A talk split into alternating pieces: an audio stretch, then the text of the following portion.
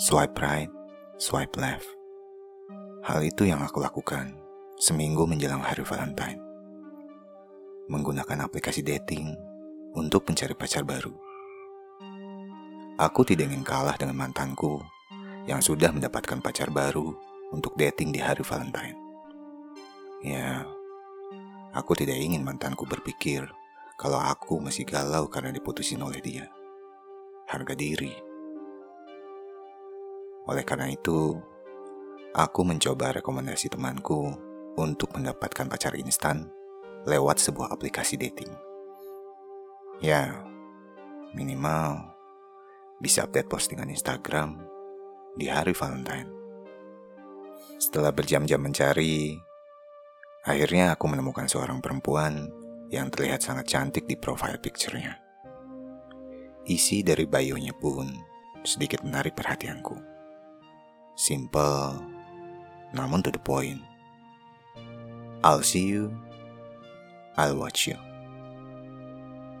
Tak berpikir lama, aku segera geser kanan.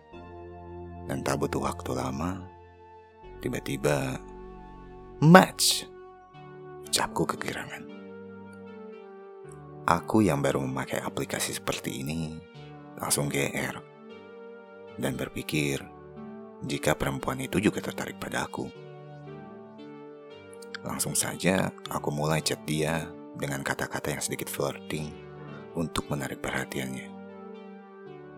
I'll hold you, I will love you. Kata-kata yang aku ketik dengan diakhiri sebuah ikon senyum. Tidak ada maksud serius dari kata-kata tersebut. Hanya ingin terlihat berbeda dari laki-laki lain. Dia kemudian membalas dengan sebuah tawa dan pertanyaan tentang apa yang aku sukai. Setelah itu, chat pun mengalir dengan lancar. Hingga tak terasa, satu jam telah berlalu. Dan aku harus mengakhiri chat tersebut karena urusan kuliah. Hmm, sepertinya dia cocok denganku. Ucapku sambil senyum-senyum sendiri.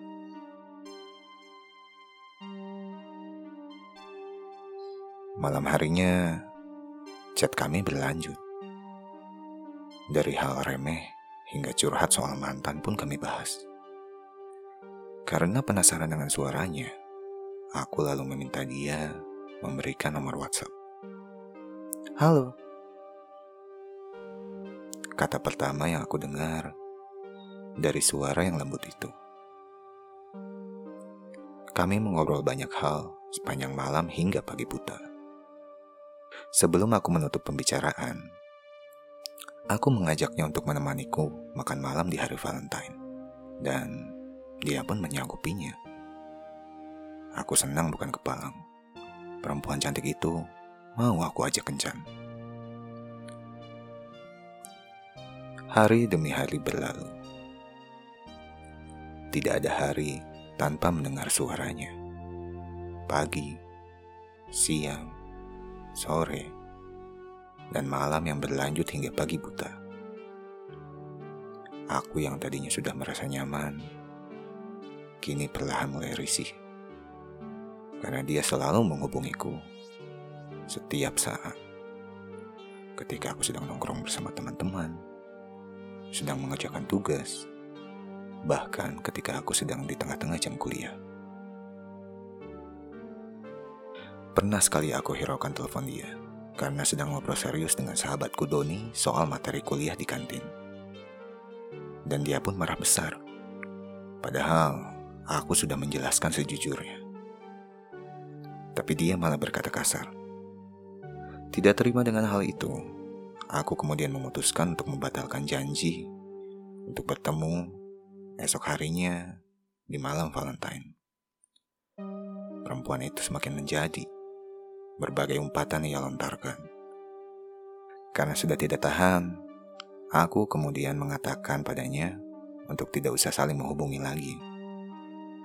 Tapi dia mengancamku. Lihat saja nanti, kamu tidak akan bisa lepas dari aku. Ucapnya. Aku yang sudah jengah langsung menutup telepon itu.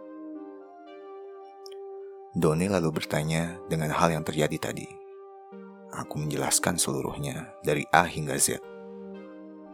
Doni juga setuju dengan apa yang aku lakukan sebelumnya. Lebih baik diakhiri saja.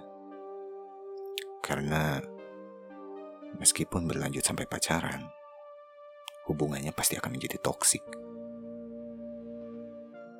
Kemudian, sahabatku melontarkan pertanyaan dan pernyataan yang tidak pernah aku pikirkan sebelumnya. Tapi, lo nggak kasih alamat rumah atau kosan kan? Cewek freak gitu biasanya nekat loh. Ucap sahabatku. Aku langsung terdiam. Karena aku sudah memberitahukan perempuan itu seluruh informasi tentang diriku. Malam harinya aku kepikiran dengan ucapan sahabatku tadi siang. Sedikit khawatir memang. Tapi sejak kejadian tadi siang, perempuan itu sudah berhenti menghubungi aku. Baik telepon maupun teks melalui WhatsApp. Jadinya, aku merasa lebih tenang. Hari Valentine pun tiba. Sedih memang saat melihat mantanku update foto mesra bareng pacar barunya. Tapi ya, sudahlah. Seperti yang cepat Kai bilang, cinta, deritanya memang tiada akhir. Memang sudah takdir mau gimana lagi. Aku lalu menaruh HP di kasur sambil merebahkan badan. Tahu gitu, tadi aku ikut anak-anak aja nongkrong di kampus. Sendiri di kosan bosan juga. Mana teman-teman kosan pada cabut keluar lagi ucapku sambil memperhatikan langit-langit kamar. Sesekali aku melirik ke HP-ku. Ya, aku penasaran dengan perempuan itu. Sejak kemarin siang, dia benar-benar tidak menghubungiku lagi. Hingga malam ini. Apa kemarin omongan gue keterlaluan ya? Mungkin aja dia lagi dapet kali. Jadinya marah-marah gak karuan gitu. Nah, tapi benar kata Doni. Kalau dipaksain juga gak sehat. Ucapku sambil bangun dari kasur, lalu mematikan lampu kamar. Aku kemudian kembali naik ke atas kasur lagi sambil meregangkan badanku. Masih ada Valentine tahun depan, ucapku sambil memejamkan mata dan aku pun terlelap tidur.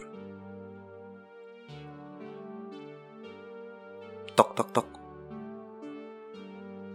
Suara ketukan di jendela yang tertutupi oleh gorden membangunkan aku. Tangan ini mencoba menggapai handphone dan melihat pukul berapa saat itu. Setengah dua. Siapa coba malam-malam begitu? Belum aku selesai menggerutu dalam hati aku langsung teringat kata-kata Doni. Cewek freak itu biasanya nekat. Aku yang tadinya bertanya-tanya siapa yang ada di luar, langsung mengurungkan niat dan menutup rapat-rapat mulutku. Ini aku. Selamat Hari Valentine.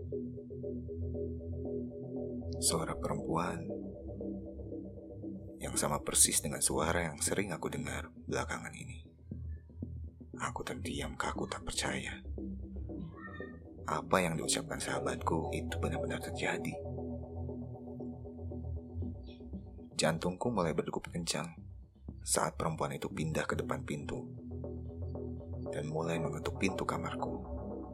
Dok, dok, dok. Buka! Aku tahu kamu ada di dalam. Buka pintunya ucap perempuan itu dengan nada yang mulai tinggi. Aku hanya bisa diam, berharap perempuan itu segera pergi.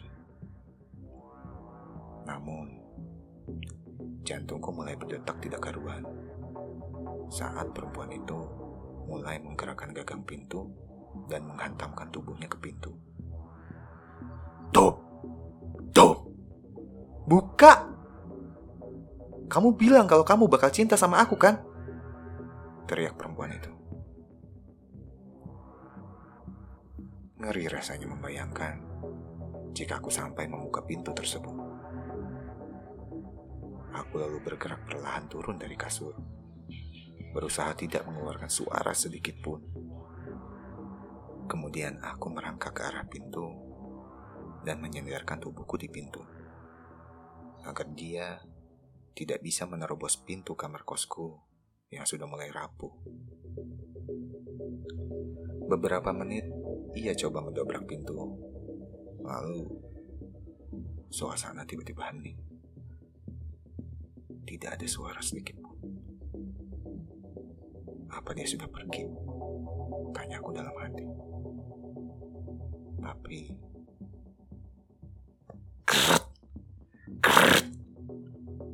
terdengar seperti suara goresan di pintu kamarku. Seperti suara yang dihasilkan oleh benda tajam.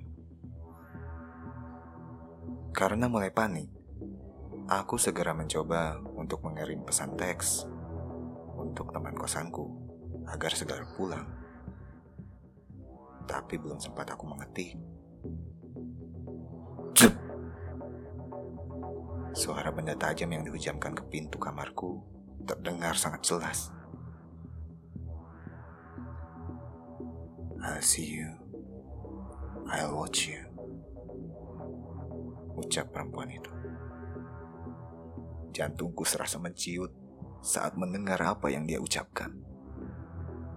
Setelah dia mengucapkan itu, terdengar suara langkah kaki yang mulai menjauh dari depan pintu kamarku. Perempuan itu pun pergi dari kosanku. Aku yang masih terduduk lemas di belakang pintu akhirnya bisa bernapas lega. Pagi harinya, teman kosanku memanggil namaku sambil menggodor pintu. Aku yang ketiduran di belakang pintu segera bangkit dan membukakan pintu. Temanku yang raut wajahnya terlihat panik bertanya, apa yang terjadi semalam? Sambil matanya mengarah ke arah pintu. Aku menengok ke arah pintu bagian luar. Terlihat sebilah pisau yang menancap di pintu kosanku dengan goresan yang bertuliskan Happy Valentine.